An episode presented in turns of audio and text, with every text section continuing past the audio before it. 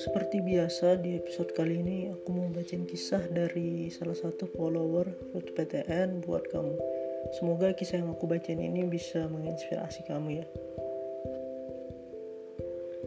Mau cerita tentang UTBK aku nih.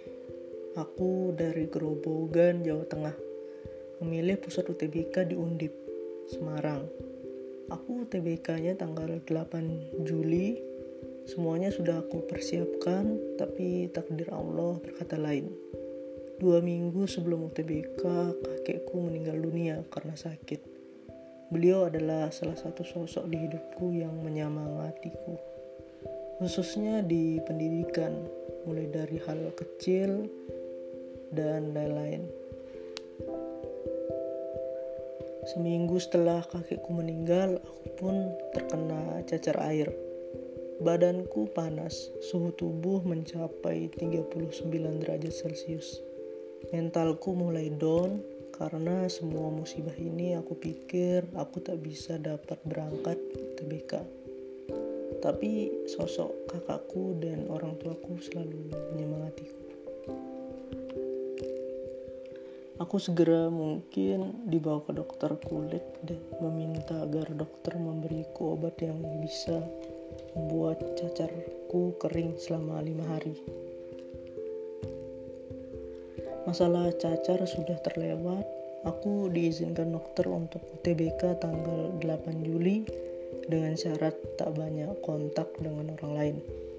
Karena aku dapat sesi satu, akhirnya aku memilih untuk menginap karena takutnya fisikku tidak kuat untuk melaksanakan UTBK. Tanggal 7, aku dan kakakku motoran berdua. Kita menuju ke Semarang untuk mencari penginapan. Nah, tiba saatnya tanggal 8 Juli, rasanya deg-degan dan khawatir gak bisa membanggakan orang tua. Sebelum ke lokasi, aku telepon dulu ayahku. Dia berpesan kepadaku untuk berhati-hati dalam mengerjakan di tengah ujian.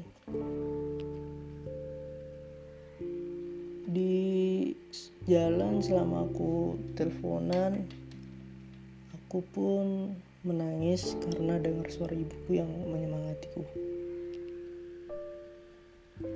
Aku ngerjak mengerjakan soal UTBK dengan tenang dan akhirnya selesai.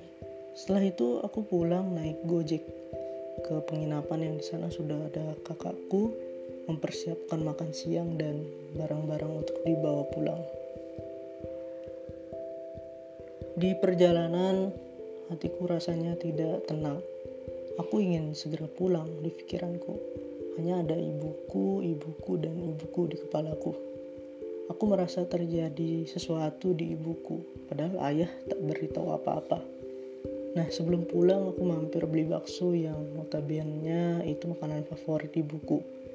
Aku berharap sampai rumah kita makan bareng dan cerita tentang UTBK. Perjalanannya kira-kira 3 jam. Akhirnya aku sampai rumah. Sampainya di rumah aku melihat semua pintu rumahku terkunci dan tokoku juga.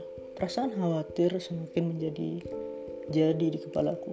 Tanpa pikir panjang, aku coba lewat pintu belakang. Dan ternyata di dalam rumah ada ibuku yang terbaring sesak napas dan tetangga-tetangga datang menjenguknya.